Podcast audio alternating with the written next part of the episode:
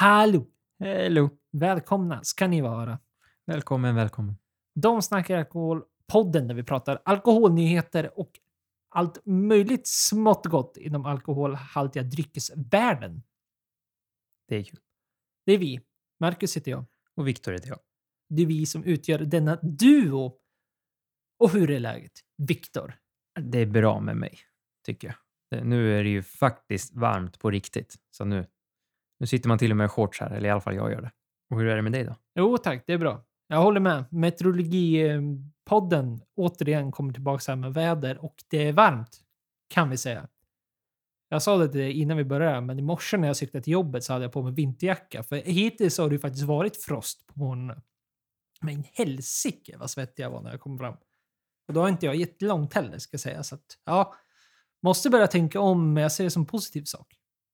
Absolut. Jag hade faktiskt med mig jackan också, men jag bar den hela vägen till jobbet och hela vägen hem från jobbet, så det var en onödig släp. Ja, nu börjar Tish-säsongen och det är trevligt. Och jag kan nog tänka mig att det är otroligt många av- er lyssnare där ute som eh, ånjöt denna helg som var ute i solen. Med något gott att dricka, gissar vi väl. Jag hoppas på det i alla fall. Det kan man nästan ja, men garantera, tror jag. Jag tror att 80 procent, tror jag till och med, 80 procent av er som lyssnar grillade någonting under hela helgen och drack minst någonting ute i solen fredag, lördag, kanske till och med söndag dag. Feelingen. Alltså av, av rent liksom så här, ja, men respektfullt drickande naturligtvis. Hälsosamt drickande när solen kom ut. Ja, det hoppas jag verkligen. Drack du något? Eh, jo, det gjorde jag väl inte. Tror jag inte. Nej, alltså inget så här speciellt nämnvärt, utan det var så här klassisk solvärmedrycker liksom. Men eh, jag har ju Haze. Pistoned Haze är ju en av mina såna här to-go-öler. Eh, när det väl kommer till sommaren. De drack jag. Några stycken. Och sen drack jag ja, men lite så här klassisk IPA-DIPA. Nu, ja, vet jag faktiskt inte hur vad exakt jag drack, men det var några roligare. Och så provade jag faktiskt Nils Oskars Iron Maiden lager. Så smakade den lager. Den var trevlig. Det är ju, men burken är ju trevlig. Är det. Maiden är alltid bra. Ja, men det är, liksom, det, är, det är väl ren jävla marknadsföring. Vågar man väl ändå säga, eller? Men och det är, bra, det flyger. är bra marknadsföring. Ja, och det är gott också. Och det är en, också trevligt att det är ju en större burk. Vilket blir vanligare och vanligare. Jag drack faktiskt två sidor. Så drack jag en IPA, som också var en svensk IPA, som jag har glömt bort. Minnet existerar knappt. Men det var också en halv, eh, halvburk tänkte jag säga, men det är ju helt tvärtom ju. Långburk. Och det är ju trevligt. Svensk öl i långburkar. Det är alltså hantverksmässigt nu. Nu pratar vi inte Kung. kung. Nej. Du då? Vad drack du? Jag- var faktiskt dåligt. Så det känns som att du och jag var de här 10 procent av dem som lyssnar på den här podden som inte drack något bra, eller vad säger man? 20 procent. Ja, men jag tror, jag tror fan det är många som, där ute som inte drack något så speciellt heller. Tror jag. Nu, jag tror det är första säsongen folk gick in, de kanske köpte den första rosén, kanske de drack. De kanske drack de är så här riktigt bubbel, men inget speciellt tror jag. Utan man kör de här to go, utsitta i solen. För så är det ju. Vad fan, man vill inte dricka något. Man vill inte poppa en kryg när du sitter ute i solen och steker. Jättetrevligt. Ja, i, och för sig. Man hade väl, hade man haft de pengarna, absolut. Men jag tror det är väldigt få, få som har den möjligheten om man säger så. Ja. Jag drack, eh, jag drack upp ett eh, bosniskt vitt vin som jag första gången provade. Det var rätt trevligt, kul. Men något annat som inte var franskt eller spanskt eller italienskt. Och eh, sen hade jag en Chouf IPA som jag drack i fredags. Sen på lördagen så eh, tog jag rätt lugnt. Var ute i solen hela tiden men eh, åkte bil så jag drack ingenting förrän jag kom hem på kvällen. Då var jag sugen på en sommarwhisky och det var en Macallan Lumina. Den är, den är trevlig sommarwhisky. Ja, men det är en trevlig sommarwhisky. Annars har den nej, inte heller druckit något superspeciellt så. Tagit det lugnt, suttit i solen. Men jag, som jag sa till dig innan jag började podden här. Jag har läst. Jag tog fast nu en bok, så jag är ju... De som vet och känner mig vet att jag läser tok sakta. Det tar lång tid för mig att läsa och jag läste 240 sidor på två dagar. Så jag satt typ halva fredagen och halva lördag eller halva söndagen och bara läste. Och det var ju den här Billionaires Vinegar med, av Benjamin Wallace och med den här eh, bluffen på 80-talet när någon sålde en eh, vinflaska som sades vara Thomas Jeffersons, eh, USAs tredje president.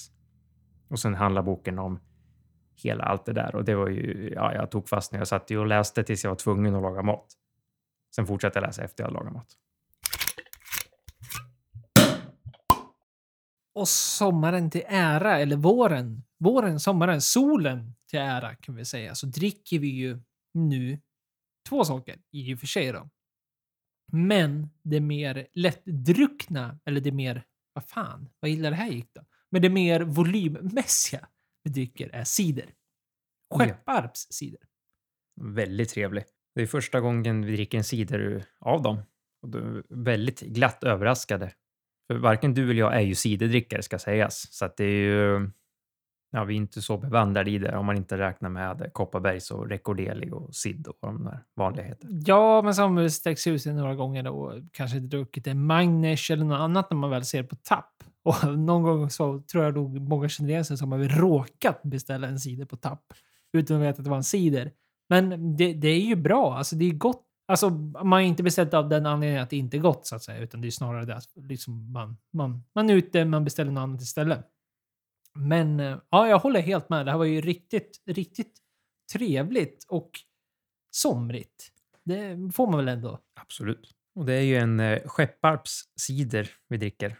Deras äppelcider som då, ja, de kommer ju från eh, Haväng i eh, Verka Ådalen, sen strax norr om Kivik. De har ju hållit på med eh, både vin och cider sedan 2011 och har ju just nu 22 000 vinplanter. Så det är ju väldigt roligt för, ett svenskt, eller för en svensk vingård att ha så mycket här i Sverige och väldigt roligt, väldigt trevligt.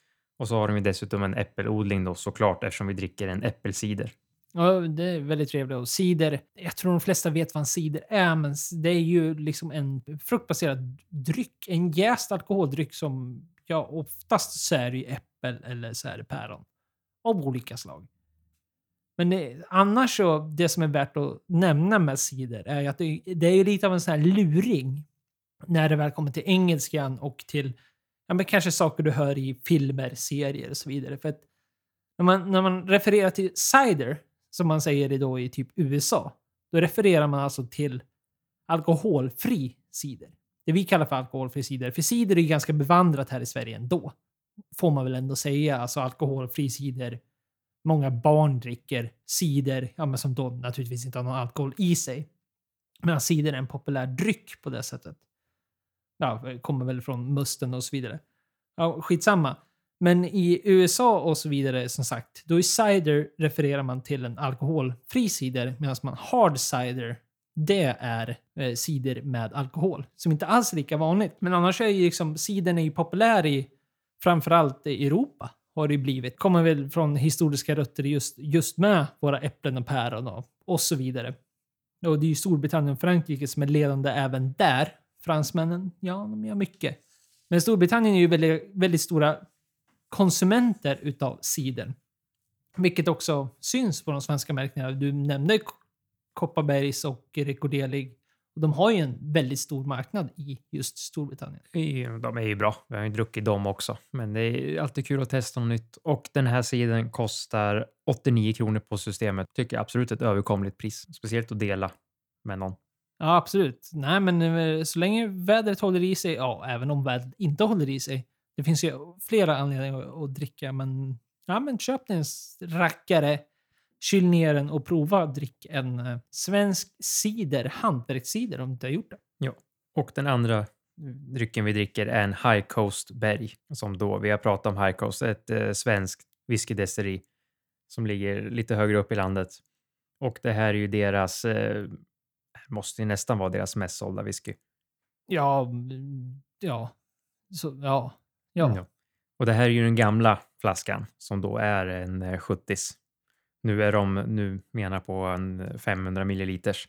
Ja, det är ju alla ska vi påpekas också. Ja. Det, det, är inte bara den här, alltså inte bara bergen, utan det är även timmer och hav och allt vad de heter. Ja, precis. En rolig anekdot till det här var ju att när de skulle ändra flaskstorleken så tänkte vi att nej, men nu köper vi på oss så att vi har de här stora. Det är kul för framtiden att prova någon av de äldre batcherna och även så tycker vi att den är bra så att vi, eller jag, åkte till vårt lokala systembolag och köpte alla flaskorna de hade kvar för att sedan åka vidare till en annan större stad, Örebro, och köpa upp ytterligare tre eller fyra flaskor.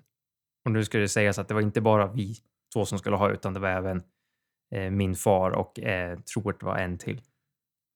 Ja, nej, vi var ju inte de enda som tänkte så, utan det var ju väldigt många entusiaster där ute som gjorde samma sak. Så jag tror det är nog, kanske några lyssnare som sitter med just de här gamla vita, stora kartongerna med tillhörande 70-flaska, precis som du sa. Och den här är ju, som du säger, jättepopulär. Jag tror nästan varenda typ av whisky-entusiast som har provat den här har tyckt och sagt att det är bra. Den, en sherrydänga som alltid flyger i Sverige. Gjord bara på Pedro Jiménez som är jag menar, en stark sherry som har väldigt, väldigt tydliga sherrynoter. Den tyngsta av det vi har provat. Vi har ju provat några sherry mellan oss och då är väl Pedro Jiménez vann då, alltså nu menar jag alltså ren sherry. Och det märks även oftast på sherrylagringar att den är väldigt stark betonad med väldigt mycket smak, vilket folk ibland inte tycker om, men svenskar tenderar att älska det. Det stämmer ganska bra. Ska du sälja whisky i Sverige ska du antingen göra riktig sherrydänga eller en riktig rökig sherrydänga. Så slänger du ihop båda. Och nyheterna som har varit på tapeten i världsnyheterna och som har vunnit denna, vad ska man säga, kallar man det för nöje? Jag vet inte, men det är ju kungen i England som nu har fått på sig kronan. Coronation säger man på engelska. Vad säger man på svenska? Kröning. Kröning, så heter det ju. Tammeböbeln. Krönats har han gjort. Och det är även en stor nyhet i whisky, inte bara whisky, utan hela dryckesvärlden. För nu släpper de ut special releases så det bara sjunger om det. Ja, det här är ju marketplace, vad ska man säga? Det är ju verkligen nu chansen är att släppa roliga flaskor för att hylla ja, kungen då, som ändå har ganska hög status, hela kungligheterna i England. Och för att bara nämna några snabbt här för att inte gå in på djupet på allihopa för att då det blir lite tråkigt att bara ranga upp alltihop. Men eh, Taylor som då gör portvin kommer släppa en eh, Very Old Port som kommer kosta rätt mycket pengar. 425 pund per flaska. Det tycker jag var väldigt dyrt. Sen är ju Taylors är ju en bra, bra vad säger man? Bra hus, bra, gör bra port. Kommer även släppas lite sparkling wine från eh, England såklart som eh, är gjorda för att passa perfekt med fish and chips som jag tycker är lite kul. Ja, men det, det går väl ändå. Jag menar, där har de ju paketeringen som vi har pratat om i tidigare avsnitt. Och den, den, den är ju bra, är den ju. Kan det bli mer brittiskt? Det är en kröning på ett royalty som de drar igång med brittisk sparkling wine till fish and chips. Ja, det är ju, ja, det är ju bra, det är genialiskt. Alltså. Ja, men visst. Printen Tisha Dir. Absolut. Sen kommer ju även Moët Chardon släppa kröningschampagne. Eh, en special releases bara för det här. Det har de gjort tidigare när jag tror att eh, Queen Elizabeth har suttit viss tid på tronen eller något sånt där. Även Royal Salute kommer släppa en svindyr whisky som då är en blended whisky. Just för den här kröningen också som är speciellt utmärkt för det här och det ska vara mer än 53 olika malt och grain whiskys blandade i den här Crystal Decanter flaskan. Du hörde. Oj, oj, oj. Man blir, man blir så himla... Håll i plånboken. Jajamän. Sen är den bara 21 år, så den, det behöver vi inte nämna för det är inte lika kul med Crystal Decanter. 53 olika. Mm. Han borde vara lika gammal som kungen. Ja, annars hade det varit tråkigt. Det är bara ja, dåligt. Dåligt. Dåligt. Sen kommer en, eh, vad säger man, online retailer som heter Mark Littler kommer släppa en eh, Macallan som eh, då är 27 år. Också just för det här kröningens... Ja, tjosan fräsan. Tjosan fräsan. Och sen kommer det även släppas en gin för den här som faktiskt bara kommer att kosta 35 pund per box. Ja, så folk kan faktiskt köpa den också. Det är, det är kul. Ja, det är att, kul. Att någon väljer den vägen. För att det, det är inte bättre om man kollar på whisky-sidan här. För att det liksom, kollar man in på de här whisky-sidorna som ska släppa whisky bara för den här kröningen så är det ju ja, med limited edition överallt och allting kommer ju vara dyrt.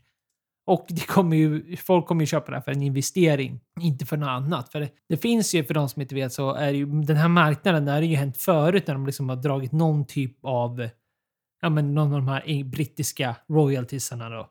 Så de har ju släppt extra flaskor i, i alla dess former. Och de har ju alltid blivit väldigt, väldigt stort eftermarknads på dem. Och att folk har använt dem för investering. Och så kommer det säkert vara nu med. Men eh, för att nämna någon då, så Bladnoch som vi har pratat om tidigare och vi pratade ju faktiskt om förra, var det förra avsnittet? Jo, precis. Jag tror det var till, till den här kröningen.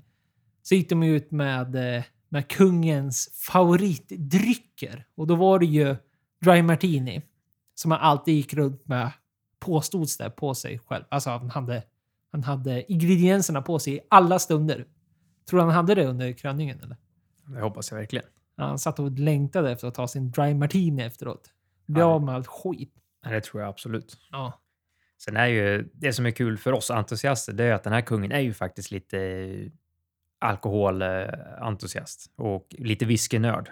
Han är ju, vi pratade om att hans favoritwhisky var en Lafroig 15. Tå- Tåls ju att nämna att det är ju flera whisky som kommer släppa flaskor för honom, men det kommer ju släppas en whisky som även kommer komma till Sverige här. Inte detta släpp, men ett framtida släpp.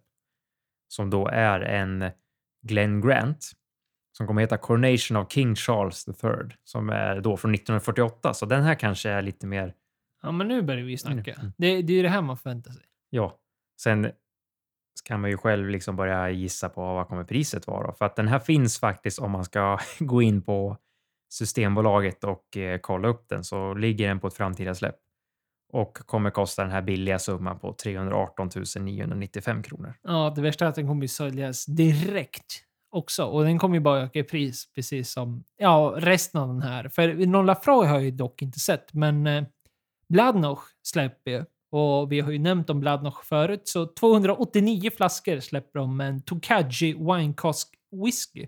Som låter ju väldigt, väldigt roligt. Tokaji, för den som inte vet, är ju ungerskt vin, dessertvin. Så det har väl, och det, det är ingenting man hör sådär jätteofta, att det är whisky jag lägger på. Nej, så det, det här är ju faktiskt kul för oss som är entusiaster att det kommer någonting som eh, faktiskt är lite appealing eller vad man ska säga för oss. Ja, precis. Och den verkar inte vara... Okej, det, det är inte jättebillig då, men 180 pund ska de ha för den. Så ja, men, ja, ska man höfta fram 2000 spänn då. Så det är inte... Det är inte billigt, men det är inte, det är inte de priserna du nyss sa. Nej, det är ju inte att ta ut ett lån på huset för att köpa en flaska. Och kollar man tillbaks på historien med sådana flaskor så har ju det kära märket som aldrig någonsin är värt att investera i, Macallan, har ju släppt flera olika Coronation-flaskor eller födelsedagsflaskor. Ja, royalty-flaskor Ja. får man väl kalla det för. Och eh, historiskt sett så är ju de flaskor som är enkla att köpa och vet att det här kommer direkt stiga i pris för det är limited edition. Ofta är det lite ålder på det och det är någon, någonting man kan relatera till i just United Kingdom som då ja, såklart säljer. Det är kul, men det är fortfarande dyrt och jag vet inte. Nah. Ska vi se när High Coast och Macmillan släpper över kungens födelsedag. Ja, det, det längtar vi till. Det blir nice. Eller när kronprinsessan Victoria blir krönt.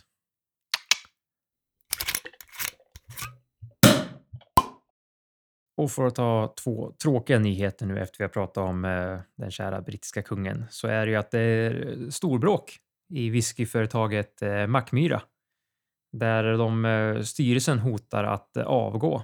Och då är det ju om ett lån som Mackmyras storägare har lånat dem på 140 miljoner där de hade beslutat att räntan skulle låsas men sen visade det sig att eh, ja, det inte skulle bli så. Det, det, det var ju som sagt en fast, de beslutade om rörlig ränta men sen när det blev sämre så skulle det vara fast ränta och sen så visar det sig att nej, han har ändrat sig eller någonting har hänt. Det står inte jättemycket men det är ändå en, en tråkig nyhet som eh, ändå berör oss i Sverige ganska hårt. Ja, visst gör det där och det är inte kul att det är ju nu i veckan då. Det kommer vara i onsdags när du har hört det här så ska ju de haft en årsstämma den 10 maj. Och eh, det är väl då det kommer något definitivt beslut. Värt att nämna att vi spelar in det här den nionde, så vi kommer inte ha hört vad den här årsstämman kommer ha slutat i. Men eh, så att vi ska väl inte vara jätt, gå, dyka djupt i det här utan eftersom vi inte riktigt vet. Men det vi vet är ju att det är någon typ av bråk, det är någon typ av härva. Och det är naturligtvis inte positivt för Mackmyra och för oss entusiaster som är intresserade av dryckerna som Mackmyra producerar. Och en till tråkig nyhet som bygger på vad vi tyvärr har pratat om mycket tidigare är ju hur de här svåra tiderna som vi har haft rent historiskt kommer att möta nu, nu tuffa tiderna som är just nu med ökade kostnader på i stort sett allt och det är inflation och det är alltihopa på en och samma gång är ju att det har drabbat ett till bryggeri. Vilket naturligtvis är väldigt, väldigt sorgligt och den här gången så är det Stigbergets som har blivit tvungna att varsla i slutet av förra veckan. Blir det ju från och med att vi läser upp det här. Det är Beer News som kom ut med den här nyheten först. Och det är åtta stycken i produktionen som har sagts upp. Så nu kommer de ju bara producera öl i eh, deras stora anledning i partihallarna. Så det är ju deras eh, mindre hall som kommer då stängas ner, vilket gör att den personalen då inte kunde komma och jobba kvar.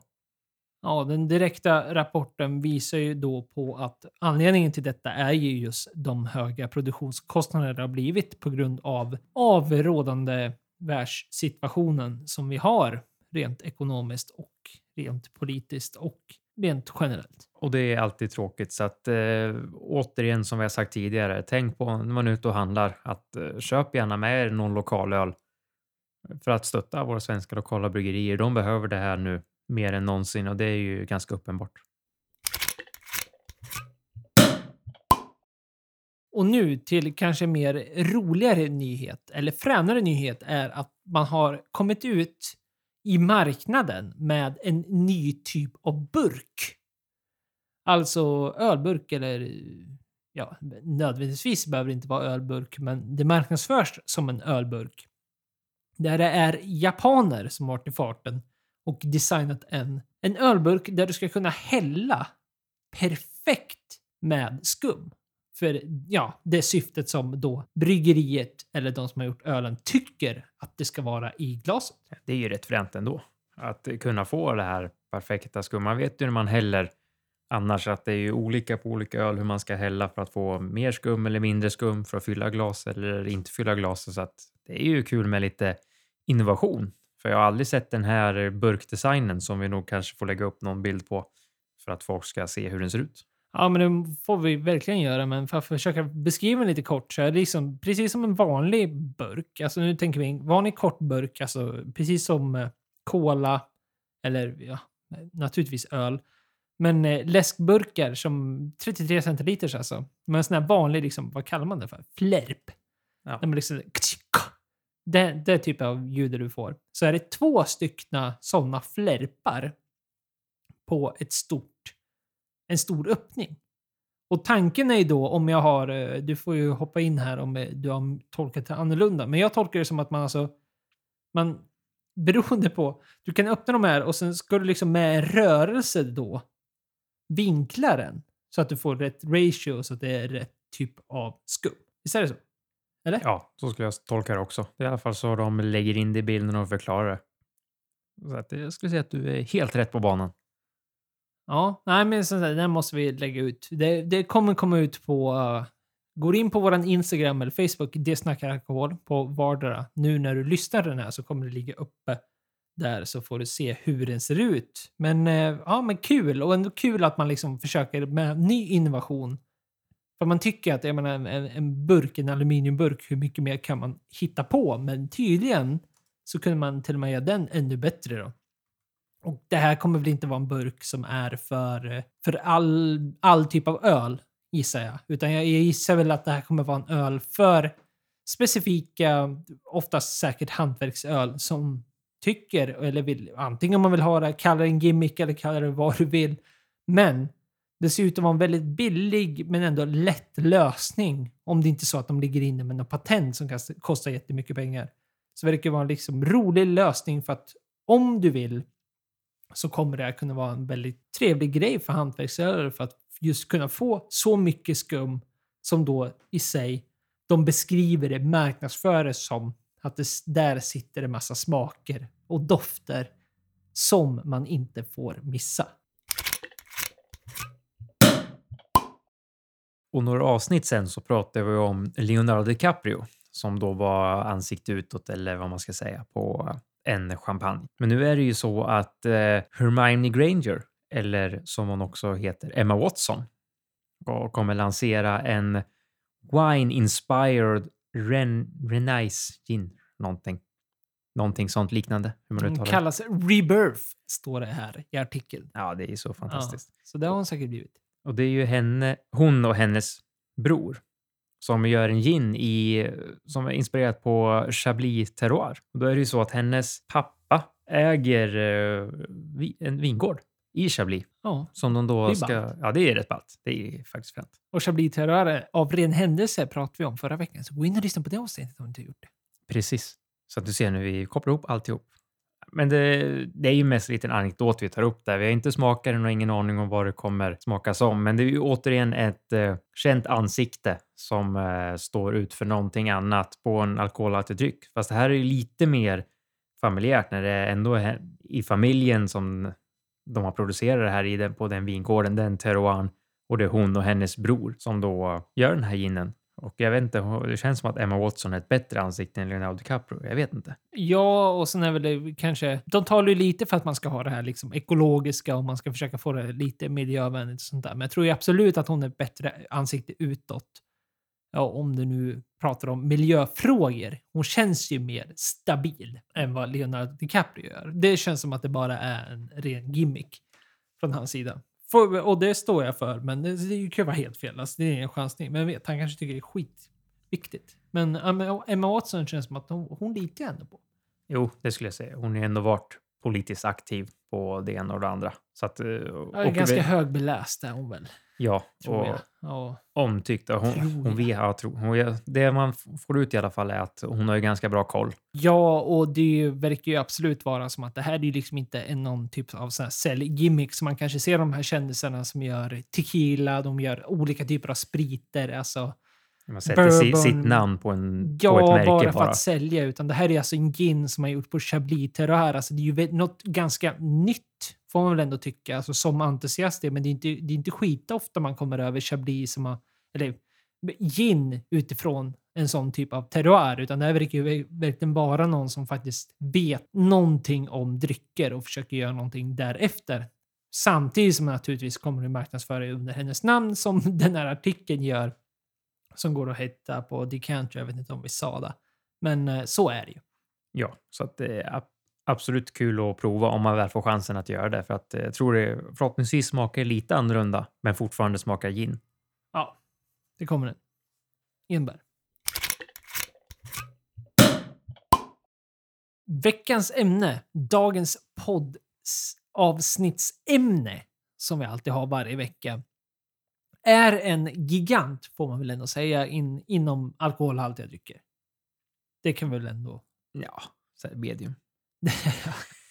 och det är ju naturligtvis gårdsförsäljningen som vi har under ett avsnitt som vi kallar för gårdsförsäljning light. Pratade vi ju bara om för att det var mycket nyheter och vi djupdök inte så mycket om vad det betyder och framförallt om det vi kommer komma ner i ännu djupare i det här avsnittet är ju kallar det bibeln, kallar det liksom det stora stuffet och det är ju den här utredningen man pratar om från 2021 när man gjorde en utredning om just gårdsförsäljning här i Sverige.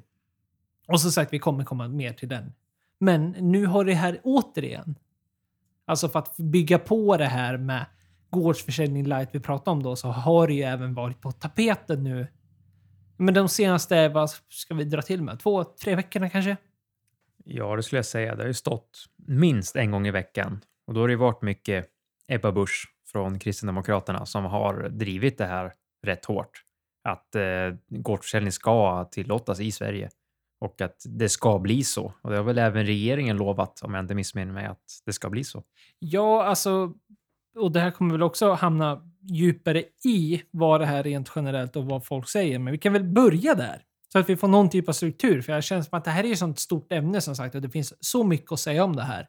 Och det finns så många som vill säga, ha saker sagt om det här. När man väl, som, som vi, om vi börjar redan där då. Om vi tar ett steg tillbaka. Man kanske hör hur exalterad vi är att prata om det här ämnet. Men om vi tar ett steg tillbaka nu. Och vi kommer ju försöka dra upp det här precis som alla andra ämnen vi pratar om så försöker vi lyfta in två sidor och försöka gå i botten med hur läget och situationen ser ut. Det vill säga att vi, vi kanske berättar på om våra åsikter och hur vi vill det ska vara. Fast det är också en jädra skillnad med vad, hur faktiskt saker är. Och där vill vi på något sätt, dels för vår egna skull och för dig som lyssnare, faktiskt komma med ett svar om så här ser situationen ut. Och det här kan man realistiskt sett förvänta sig med de debatterna och det narrativet som pågår just nu. Om det är någon där ute som inte har koll på det så är det ju alkoholmonopol i Sverige. Det är ju ganska självklart. Och det är ju det egentligen det här gårdsförsäljning handlar om, att det är ju bara Systembolaget som får sälja alkoholhaltiga drycker över 3,5 procent som då är öl som finns eh, i eh, matbutikerna. Och det har ju vi haft i Sverige väldigt länge, sedan eh, tidigt 1900-tal. Det är ju det här som börjar tappas upp igen, att du är ute i sterilbryggeri så får du inte sälja din produkt i anslutning till destilleriet, bryggeriet, vingården, utan allt måste gå via Systembolaget. Det är ju en debatt som är väldigt stor med tanke på att det finns flera andra länder och även nordiska länder som inte har så. Eller som har halvt så om man ska nämna några, som har både halvt alkoholmonopol men även viss gårdsförsäljning. Mm. Nej, det, bevisligen går det ju att kombinera på något sätt. Att det här ska kunna existera i symbios. Men det är det här som är inte... Det är inte så lätt som man tror då, när man väl bottnar ner sig i det. Och det är väl det här också som vi berättade i avsnittet gårdsförsäljning live som vi berättade redan då är att det är, det är större än så, men sen sa vi inte så mycket mer. Nu ska vi som sagt försöka djupdyka mer varför det är så. Och det är väl det stora stuffet som du nämnde är just alkoholmonopolet. För alkoholmonopolet går ju väldigt, väldigt långt tillbaka i svensk historia. Det är inte bara så att man liksom på något sätt försöker förhålla sig till alkoholmonopolet och alkohollagen i sig, som vi också har diskuterat på måttfullhet avsnittet om du vill gå in och lyssna på det, när vi djupdyker lite mer i alkohollagen, så går det här, just så situationen ser ut idag, det man är rädd för är ju den rättsliga processen med EU. Och den går ju tillbaka till 95 när vi väl gick med i EU. Och en av de sakerna vi sa till att rör inte vårt alkoholmonopol, EU, är du snäll. Och rör inte vårt snus. Det var väl de här två tunga liksom, så alkohol och tobakssakerna vi i Sverige la fram. Varför blir det här ett problem nu? Jo, det blir ett problem för att EU kommer ju rättsligt sätta sig emot ifall vi helt plötsligt vill bryta vårt alkoholmonopol. Och det gör vi per definition genom att öppna gårdsförsäljning. Oavsett hur liten skalan är. Ett monopol är så enkelt definierat att bryts det från sitt monopol som alla vet vad, alltså vet man inte vad ett monopol är. Ett monopol är liksom ett statligt ägt, oftast statligt ägt industri, kan man kalla det för det? En industrimarknad som ingen annan får delta i. Oftast är det ju statligt. Ja, jag skulle vilja säga så. Och det är väl inte så mycket vinstdrivande heller på så sätt. Nej, i, i det här fallet har det inte blivit det. Ett exempel är ju exempelvis apoteket som var ett monopol, statligt monopol väldigt länge, som inte är det längre. Och det är ju alkoholen har vi kvar som ett statligt monopol som då ansvarar och äger hela alkoholmarknaden. Oavsett hur stort eller litet man drar en typ av försäljning utanför monopolet så bryter man monopolet. Punkt slut. Och det är det problemet man har för att då så kommer ju EU rättsligt sett komma och sätta sig in sig så kan man tycka och tänka vad man tycker om EU, bla bla bla bla, jara jara jara. Men de kommer ju sätta sig emot det här högst troligt. Och det är, handlar ju då om konkurrenskraftigheten som vi också har pratat om i tidigare avsnitt. Att egentligen så vill ju EU främja konkurrens så att de vill ju inte att det ska finnas ett statligt monopol. Och sker det här nu för att EU har tillåtit det här en gång, då kommer andra EU-länder komma och peka på det här och vinkommissioner, vilket de har sagt själva, alltså vinindustrier, spritindustrier utomlands och säga att nej men det här är inte konkurrenskraftigt. Hur ska det här gå till? Ni kan inte ha gårdsförsäljning i Sverige för då kommer inte vi kunna vara del av den marknaden och det kommer inte vi tillåta. Och det är där någonstans man håller sig nu. Och det är väl där någonstans man drar sig vidare till nästa steg Vilket är ju just det här, hur gör man med alkoholmonopolet utifrån den? Det är liksom det stora. Eller? Håller du med? Det håller jag helt med om. För det är ju det med gårdsförsäljning vi vill i Sverige, eller vi vill, nu ska vi inte dra alla över en kant, men som de flesta vill, det är ju att de lokala bryggerierna och destillerierna, vingårdarna och, och så vidare ska få sälja det de producerar från destilleriet, vingården och så vidare. Men det som är nu, som du har sagt, med att om det öppnas upp, det gör att andra vingårdar, vinproducenter, eh, stora konglomerat som eh, Diageo, Pernod Ricard som jag pratade om, kan öppna upp egna butiker i Sverige och sälja sitt, sina produkter där med ett vinstintresse dessutom, som då hotar vårt eh, alkoholmonopol. Och det är ju dit som det skon klämmer, för det är inte det som jag tror i alla fall de flesta vill. Att alla andra länder bara kan komma till Sverige, öppna upp sitt egna och bara börja sälja det. Nej, precis. Det blir en sån här, eh, ett hypotetiskt, liksom teoretiskt fall som skulle kunna bli ifall man bryter alkoholmonopolet på liksom, ja, men rakt utav. Mer eller mindre, om man ska säga så. För det är det man försöker lösa nu alltså. Det är ju liksom att försöka få någon typ av, ja men hur, hur bryter vi alkoholmonopolet, vilket man då kommer göra? Eller man påstår att man kommer hota alkoholmonopolet. Eller hur får man in gårdsförsäljning utan att bryta alkoholmonopolet? Och här är det ju ganska många eniga krafter ändå i Sverige. Ja, det är det ju. Och eh, det tåls ju att säga det här också att den diskussionen som kommer upp med det här måste nämnas innan jag glömmer bort det i alla fall, är ju att en del vill ju att vi lägger ner Systembolaget, vilket då gör att då måste vi ta in annat och det är väl det som är en stor risk med hotet av att ja, lägga ner alkoholmonopolet helt. Men vem vill se matbutiken ICA, Coop, Lidl ha ja, rent ut sagt som utlandet blaskig skitprodukter stående på hyllan och du kan inte få tag i någonting som är ens ett uns av premium. Är det någonting vi verkligen vill i Sverige? Nej, verkligen. Och där tror jag också, alltså rent subjektivt, att jag tror inte det skulle bli bra. Jag tror det var Jan Jo som skrev en eh, krönika i Aftonbladet bara förra veckan eller vad det var. Just om det här eftersom, som jag sagt i början, att det här har ju varit på tapeten igen. Han beskriver just det att, och som jag också tror stämmer, är att för oftast så bottnas ju den här diskussionen i att oj, vilken typ av kvalitet skulle vi få i de mindre städerna? Ifall. Och det är ju, oftast är det ju det är väldigt många småstadsbor då tydligen som eh, oftast är i den tron att skulle Systembolaget läggas ner och man skulle bryta det alkoholmonopolet, sätta upp det i en fri marknad så skulle de få bättre utbud. Men jag tror det är mycket det som Jan Guillou pratar om att det skulle säkert bli tvärtom att ett lokalt ICA i en liten stad skulle inte ta in liksom kvalitet eller liksom en stor differens mellan de dryckerna de tar in. Utan det skulle ju vara det här standardutbudet. Som du absolut inte kommer få med Systembolaget som oavsett hur stor eller liten. Det finns ett systembolag i varenda kommun tror jag. Till och med. Och mindre byar, stad, städer som tillhör en viss kommun, en större kommun, har ju oftast i alla fall ett ombud som gör att du kan beställa i stort sett vad som helst från Systembolaget. Så det är ju en tjänst som existerar. Sen att folk inte liksom använder den, men det får ju vara upp till dem. Men troligtvis så kommer det inte bli bättre ifall ditt lokala ICA nära ska börja importera alkohol. Nej, och jag har svårt att se att de stöttar de lokala ännu mer, för ICA är en vinstdrivande organisation som ägs av enskilda handlare och de vill ju tjäna pengar. Och jämför du då att du säljer, nu drar vi bara rent hypotetiska siffror, du säljer 10 Falcon om dagen och du säljer två lokala närproducerade öl i veckan. Vad tror du de kommer ta in? Vad tror du de kommer vilja ha kvar?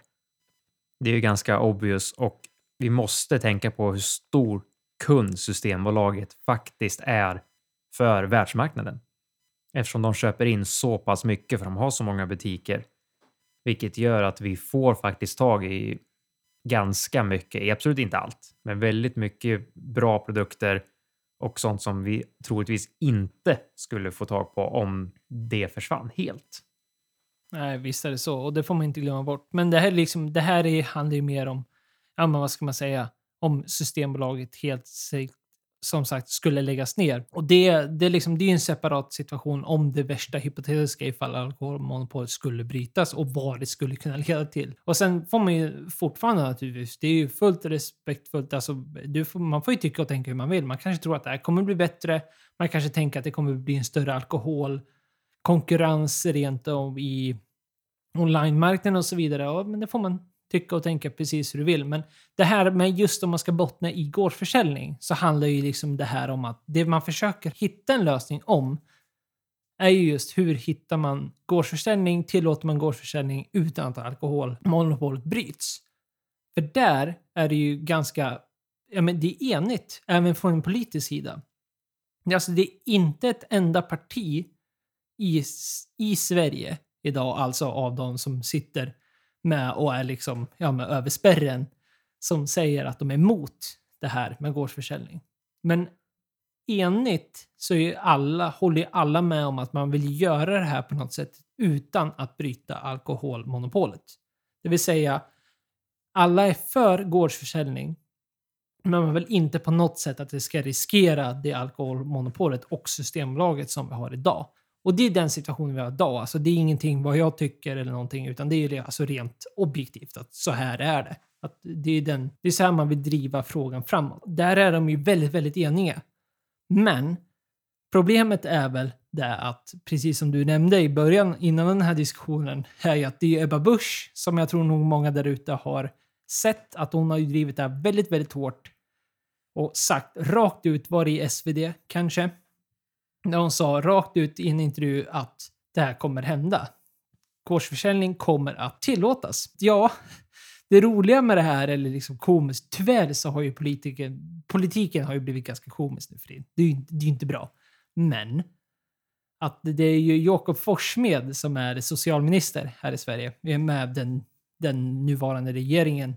Det här hamnar, hamnar ju på hans skrivbord. Så hon har liksom tagit den här hot potaton och sagt att vi tillåter det här, det kommer hända och så han liksom skickat det på honom. Ja, det är alltid skönt att skicka till någon annan. Så är det, det löser sig. Det Man vill alltid vara the good guy och sen får den andra vara the bad guy som han säger. När han säger nej, då är det hans fel. Ja, exakt. Om man, om man bara har någonting att vinna. Så när det väl kommer att slå igång, då kommer hon vara där och säga att nej, men det var jag. Jag sa ju det. Ja, det är ju genialiskt. Politiskt sett. Så, så är det ju. Men det är ju ja, väldigt komiskt. Men det här har ju liksom dragit igång debatter för att jag menar, Forssmed har ju svårt att svara på just den här frågan när han får den till sig. Och han är ju inte lika klar om att det här kommer hända för att man vet ju att det här kommer vara något typ av problem. Eller det kommer vara problematiskt att implementera om vi säger så. Där. Liksom, saken i sig är väl ändå ganska simpel och kan verka simpel även om det inte är det. Då. Men liksom saken i sig i grundkärnan är ju ganska simpel. Men hur man implementerar det kommer vara problematiskt. Och även om alla tycker att så här ska vi göra, det här är en idé, så är det som sagt inte så mycket på Sveriges sida just nu, utan det är EU. De som har fått mest kritik är ju Socialdemokraterna i det här hela. Om vi nu, som sagt, vi, nu pratar vi bara rent objektivt om den här situationen. Det är inte något subjektivt, bara tycken, utan så här ser situationen ut. Att det är Socialdemokraterna som har fått mycket skit över det här. Anledningen till varför är ju för att de då historiskt sett har liksom försökt driva fram det här. Jag menar, det var väl, vad hette den där lagen som de släppte på ganska nyligen? Den här dans, eh, danslagen eller? En dålig dansare, så där kan jag inte säga något. Nej, men det var någon sån här stor grej. Det var så här dans... Eh, ja, men någon sån här, man var tvungen att ha någon typ av...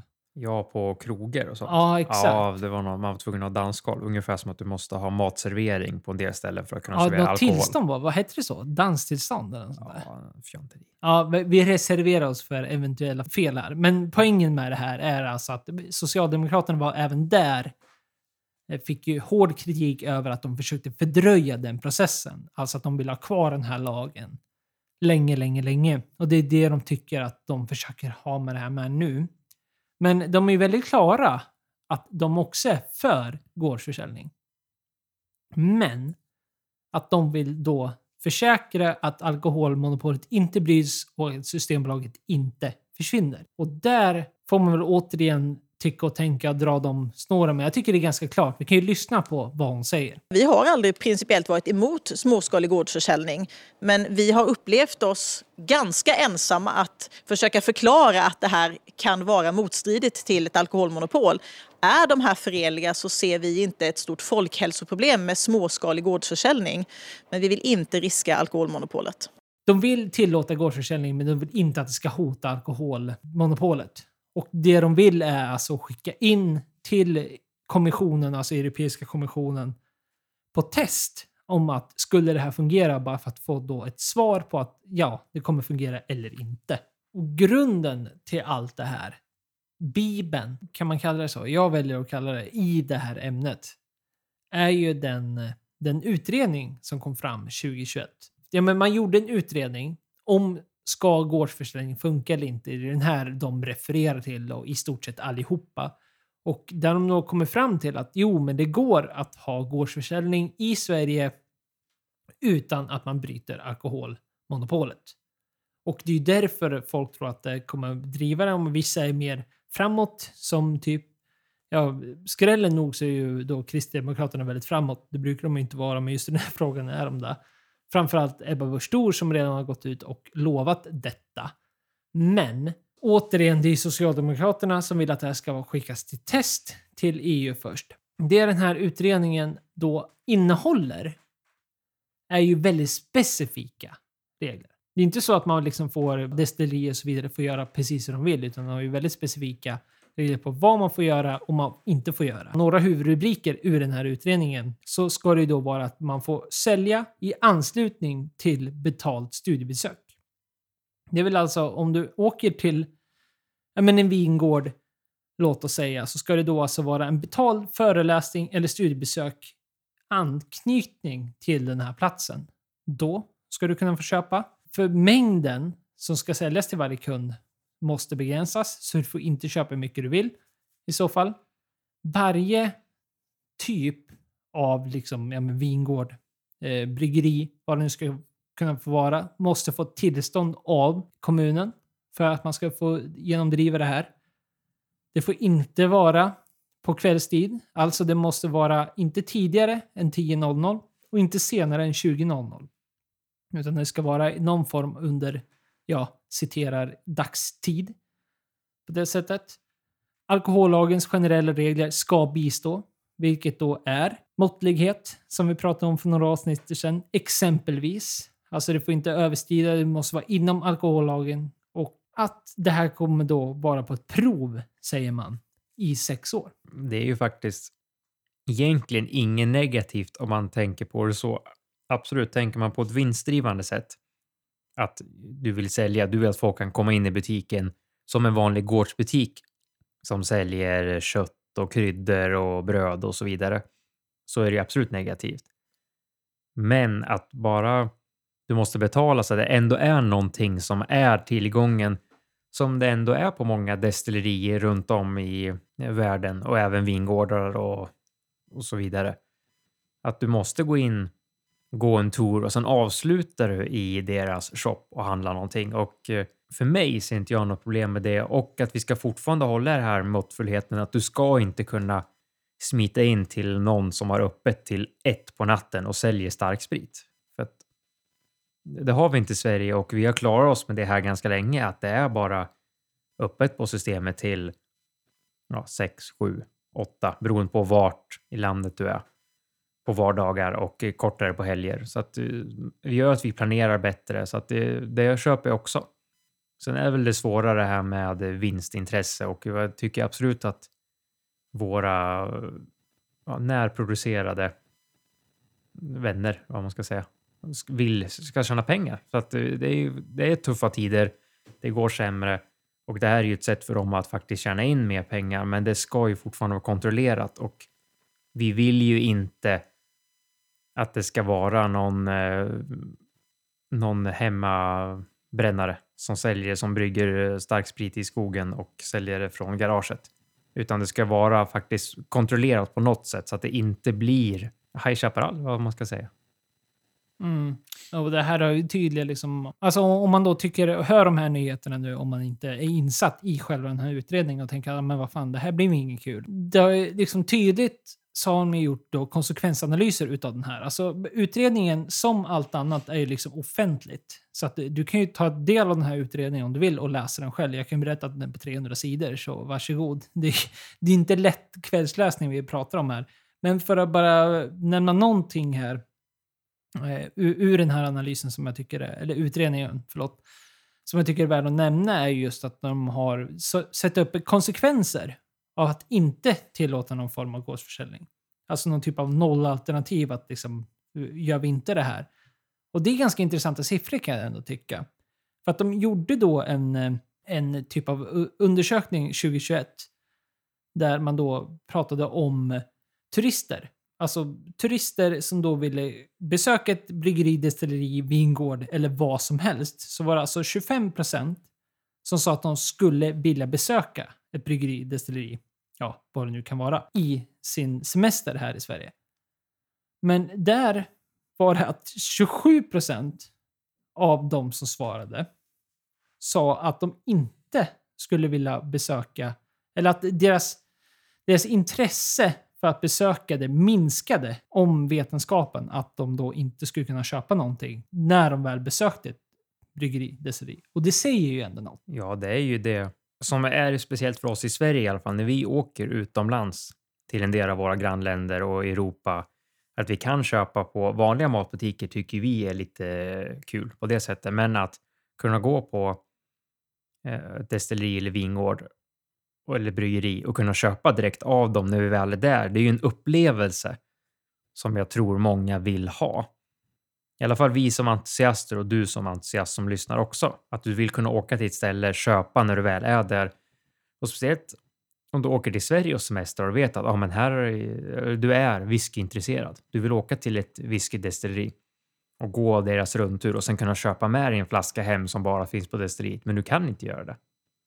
Jag tror det är ju för en annan som entusiast. Vi vet ju om att det är så här i Sverige. Vi har full koll på det så att vi har ju anpassat oss för det. Men åker vi utomlands till Skottland, eh, Frankrike, Spanien, Italien, Tyskland eh, eller Belgien och bara vet att vi kan gå in där, gå en rundtur, prata med dem, gå på en provning och sen köpa med sig det man har smakat som man tycker är gott.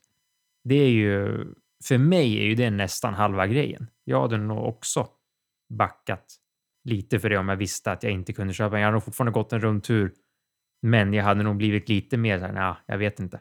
Nej, det är liksom, det är mycket av det här som man, ja men, från, från, om man ska tänka ur ett större perspektiv också. För men, det är naturligtvis, skulle det här gå igenom så skulle det, ja men, förutom det här med att man då skulle kunna få köpa någonting direkt och det skulle gynna själva bryggeriet eller vingården eller något sånt där, så skulle det även naturligtvis gynna näringslivet i stort.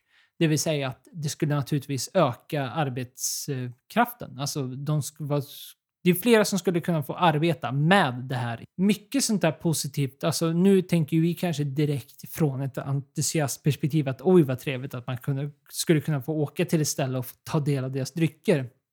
Men det är naturligtvis att de skulle kunna anställa mer folk och att det skulle gynna mycket på, ur sådana här perspektiv som man kanske inte direkt tänker på, även då från produktperspektiv till liksom, ja men, ett helt annat typ av näringsliv. Och att det gynnar ja, svensk eh, arbetsmarknad överhuvudtaget. Och att eh, se att destillerier och, och så vidare inte behöver känna lika stor hot mot konkurs eller varsling som vi pratar om i nyheter här är ju en stor del som tror, eller i alla fall jag tror, är viktig. Sen vill man ju fortfarande att importera, för det är inget, jag tror inte att det är något bryggeri eller så som vill att nej, vi vill inte sälja mer till bolaget för att då blir de ju väldigt, väldigt nischade till just den kommunen de är i och säger vi att du är högst upp i Sverige eller längst ner i Sverige så är det väldigt svårt att nå någon annanstans för det är långa resvägar och du, det vill du inte. Du vill ju fortfarande liksom kunna få, få spridningen, men du vill ju att folk ska kunna åka och köpa direkt eh, av, av det man där är producerat. Det är svårt det här i, i det stora hela, för det är ju inte då eh, som ni då har uppfattat att den här utredningen visar inte på ifall det skulle gå med gårdsförsäljning är ju att de skulle inte få göra det här hur de vill på sina egna villkor, utan det skulle vara väldigt, men ändå ganska restriktivt där med om vad gårdsförsäljning då skulle innebära. Men sen är det väl lite diffust. Det lämnar väl lite ungefär det här då med att det skulle då vara i typ av sammanband med ett studiebesök exempelvis. Och liksom vad innefattar det då? Det är lite sådana här fortfarande diffusa saker, men det skulle man kunna tänka mig att det skulle de kanske då kunna mygla utan att göra något fel menar jag. Att liksom, ah, okej, okay, här har du vårt destilleri, bla bla bla bla bla. Studiebesöket, skulle, menar de då att det skulle vara som en dagens rundtur? För jag menar, du får ju fortfarande kunna besöka en rundtur idag i Sverige, få någonting att dricka medan du går runt och tar den här rundturen. Innebär det då ett studiebesök? Och sen efteråt så får du köpa med dig en flaska hem. Liksom, ja, den tycker jag ändå är lite diffus, för att där känns det som att där finns det ju rum för att man skulle då kunna göra i citat fulingar. Och då kan jag tänka sig att man drar någon sån här fem minuters föreläsning och kallar det ja, då var vi klara för idag. Lite så är det ju. Att, men det är lite typiskt när det blandas in eh, regler och politik. Att det är ofta väldigt diffust. Det finns inga självklara regler som då är det här är det som gäller och det skulle ju behövas så att det inte blir någonting. För vi vill ju inte heller att någon, något bryggeri eller så ska misstolka det här. Och så vet de att ah, men vi ska köra en rundtur och de kör en, säger vi, en kvarts genomgång, för de har inte mer att prata om, säger vi. Nu drar vi rent hypotetiskt. Och så kommer det någon kontrollant och kollar och säger att Nej, men det är fel. Nu gör ni fel. Ni måste ha minst en halvtimme och säger vi och ni måste ha en rundtur och det ska vara ditten och datten. Då ska ju det stå ganska självklart så det inte blir något fel. Och eh, ja, det måste de ju komma fram till vad som gäller så att det inte blir så här diffust som det just nu är. Nej, verkligen. Och bara för att nämna något sista om den här utredningen, men som sagt, det är ju den som är det, det, det stuffet. Det är ju det alla, alla refererar till när de pratar om det här från ett, på, på en politisk nivå. Är väl att den även har, innehåller liksom alternativa förslag. Så att det vill säga, skulle inte de här första förslagen gå in så har de alternativa förslag. Och då bara för att nämna ett exempel så pratar man ju då om jästa drycker. Alltså man definierar det som att jästa drycker skulle kunna ha gårdsförsäljning. Och då innebär ju det direkt alltså viner, öl blir det väl, cider. Alltså då egentligen inte vad man då kan definiera som destillerad sprit. Då. Allt förutom destillerad sprit blir det väl? Eller tänker jag fel? Nej, det borde ju stämma. Så inte vodka, whisky och gin och så. Starksprit. Men om man har jäst en öl och blandar in med spriten, då är det jäst. Ja, precis. Kommer undan ändå. Ja. De, de har ju liksom byggt upp sådana här typer av alternativ bara då. Som jag menar, som jag verkligen bara ser som en backup plan i så fall. Ja, det känns som det. Ja, för att recappa det här då, innan vi avslutar. Ämnet är väl det man pratar om helt enkelt är alltså inte att bryta alkoholmonopolet. Man ska inte blanda ihop avsluta, bryta monopolet och gårdsförsäljning, utan det här är någonting som ska fungera i symbios, är tanken. Man har tagit fram en utredning, 2021 så tog man fram en utredning om att man skulle kunna ha gårdsförsäljning utan att bryta det svenska alkoholmonopolet. Alla partier över spärren är överens om att man vill ha gårdsförsäljning. Ebba har gått ut väldigt hårt Jakob Forssmed, vår socialminister, har panik över hur han ska hantera Ebbas uttalanden. Socialdemokraterna har invändningar, men de är fortfarande positiva till gårdsförsäljning utifrån det här, den här utredningen, men de vill se att EU-kommissionen ska testa det här innan. De vill skicka det här till EU-kommissionen som gör en utredning själva och ser att ja, det här skulle flyga. Nej, dra åt helvete Sverige. Det är väl så vi kan sammanfatta det här. Då från ett objektivt sätt naturligtvis. Sen kan man tycka och tro vad man vill om den här utredningen och allt sånt där.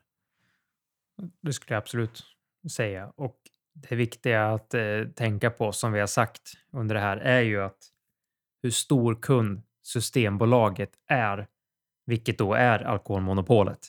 Så, vi, så man måste ha i åtanke att försvinner de eller vi riskerar att det öppnas upp för gårdsförsäljning total, eller vad man ska kalla det för, att alla kan komma och sälja i Sverige med vinstdrivande syfte och Systembolaget försvinner gör att vi kommer troligtvis tappa eh, Systembolaget, all personal, kunnig folk. Det är, för det första är det mycket jobb och det är allting som de har och köper in, vilket gör då att eh, kvaliteten kommer sjunka. Det kommer bli dyrare och eh, vi kommer inte ha det här utbudet vi faktiskt har idag. Man kommer alltid sakna någonting, så vi kommer aldrig kunna säga att vi har allt, för det har vi inte. Men jämför man med en del andra länder så måste vi tänka på hur faktiskt mycket grejer vi har på grund av Systembolaget. Så att det är det vi inte vill förlora. Men vi vill samtidigt öppna upp för att det lokala ska få, få sälja. Och nu till veckans släpp efter det tunga avsnittet vi har pratat om. Titta, äntligen. Nu så ska vi ta en lite rolig släpp. Och mitt första är en Ardbeg Heavy Vapors. Nu tror ni nu har han Igen. igen. Nu har han, nu har han druckit för mycket här, nu har han ingen koll på längre. Men det är så att Ardbeg släpper två av deras annual releases och det är en committee release som är lite starkare, eh, mer procent då, och en eh, annual release som är på 46 procent. Och det här är deras annual release som då kommer kosta 1349 kronor. Som då är samma pris som den starkare, men du får en kartong. Viktigt. Mm, det är sjukt. Ja, Sjukt. Egentligen är det helt sjukt, men jag är ju en li- liten Ardbeg-sucker och har samlat igen den, så att för mig blir det ju automatiskt att eh, ja, jag vill ha Ardbeg. Det är kul. Ja, och anledningen varför det blir så här, gissar jag, alltså det här är en kvalificerad killgissning, men det är återigen, om du har lyssnat på hela vår harang, vilket jag gissar att du har gjort om du har kommit så här långt i poddens avsnitt, så är det ju så, Systembolagets skull, att commit-releaserna som de släpper egentligen Arbeg, är ju för medlemmar. Alltså egentligen så är tanken att det ska vara betalda medlemmar som får tillgång till de här speciella släppen, årsgångssläppen med högre alkoholhalt. Men för att vi har Systembolaget så får inte det ske, utan det måste vara tillgängligt till alla. Därför får ju våran svenska marknaden tillgång till att köpa både committee-releasen och den här varianten. Medan annars, skulle det vara på en eh, fri marknad, då skulle du liksom säkert aldrig se en susning av en chans att få commit-releasen och sen får du köpa den här varianten. Det är väl därför de håller på det här med alltså att det kostar lika mycket, alltså samma pris av den anledningen att det ska vara någonting schysst till de som är med i Ardbeg Committee. Och jag är ju med i Ardbeg Committee, så att jag får ju köpa den. Och jag köpte committee-releasen, så den står fint i hyllan här. Så nu måste jag ha den här. Det går ju inte annars. Förstår du? Som eh, samlartok som man är så måste man ha båda. Och den kommer släppas den 19 femte och kommer kosta som sagt 1349. Ja, där ser man. Och mitt första är inte en whisky, utan Va? det är vin. Och eh, det vi kan nämna nu också i förbifarten är att det är Kristi flygare, Kristi himmelfärdsdagen nästa torsdag. Vilket gör ju, eller på torsdag får vi säga, vilket gör ju att det är ju inget webbsläpp den här veckan. Det är för jävligt. Vilket gör det lite svårt också, Vi- eller ja, svårare för våran del i, i det här segmentet just för att det finns färre att välja på. Men jag har till slut valde jag att gå med GB Spättburgunder Rosé. Spättburgunder. George Brauer 2002. Så det är alltså ett rosévin från Tyskland. Och Tyskland är ju en, ett sånt där trevligt vinland. Har alltid varit med framförallt deras Riesling de är kända för. Men Eh, de blir bättre och bättre på rosé. De släpper mer och mer rosé. För att rosémarknaden har ju liksom nästan exploderat bara sedan några år tillbaka. Det blir mer och mer populärt. Och det verkar vara ett roligt uttryck som kommer släppas också den 19 femte. Och den kommer kosta 149 kronor. Och ja, det är alltså kul. Det är ett rosévin som är Spättburgunder, för de som inte vet det, är alltså Pinot Noir. Det är vad tyskarna kallar för Pinot Noir. Så det är alltså ett eh, rosévin som är 100% gjort av Pinot Noir. Och det har fått bra betyg av det jag har kunnat dragit ihop här, av min research. Den har legat i en tank, vilket, jag återigen, nu ska vi inte dyka allt för mycket vad rosé. Det får vi göra någon gång när vi dricker rosé. Då brukar vi dyka de här, men normalt sett så brukar ju rosé inte lagras i ekfat, utan det brukar vara i jästtankar. Det är en av grejerna med det. Och den har legat i sex månader då som sagt. Så 149 kronor släpps den 19 femte. Trevligt med rosé nu när solen börjar titta fram och det betyder nog väldigt mycket vår och sommar för väldigt, väldigt många. Ja, det låter inte helt fel. Speciellt nu när värmen kommer. Då, då kan man faktiskt bli sugen på rosé, så det håller jag helt med om.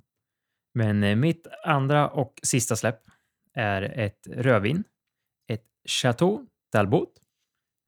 Vintage 2020. Som då är ett Bordeauxvin från Out Medoc och Saint Julien. Som då kommer kosta 735 kronor och släpps också den 19 femte eftersom det är Kristi flygare. Det här är ju ett Bordeauxvin som faktiskt inte är alldeles för dyrt. Jag har aldrig druckit det, men jag, när jag börjar läsa lite om det så tycker jag att det hittar liksom en intressant att det är ändå ett, ett gammalt hus. De har en historia som går ända bak till eh, 1453 för att sedan gå vidare till 1855 när de eh, planterar druvor för Napoleon den tredje och så vidare. Och jag är en sucker för historia. Och eh, vinet är inte för dyrt. Fortfarande dyrt. Säger inte att det är ett billigt vin. Men för att vara Bordeaux-klassat så vet vi att de kan kosta uppemot en, eh, allt från 3000 till 6000 till 20 000.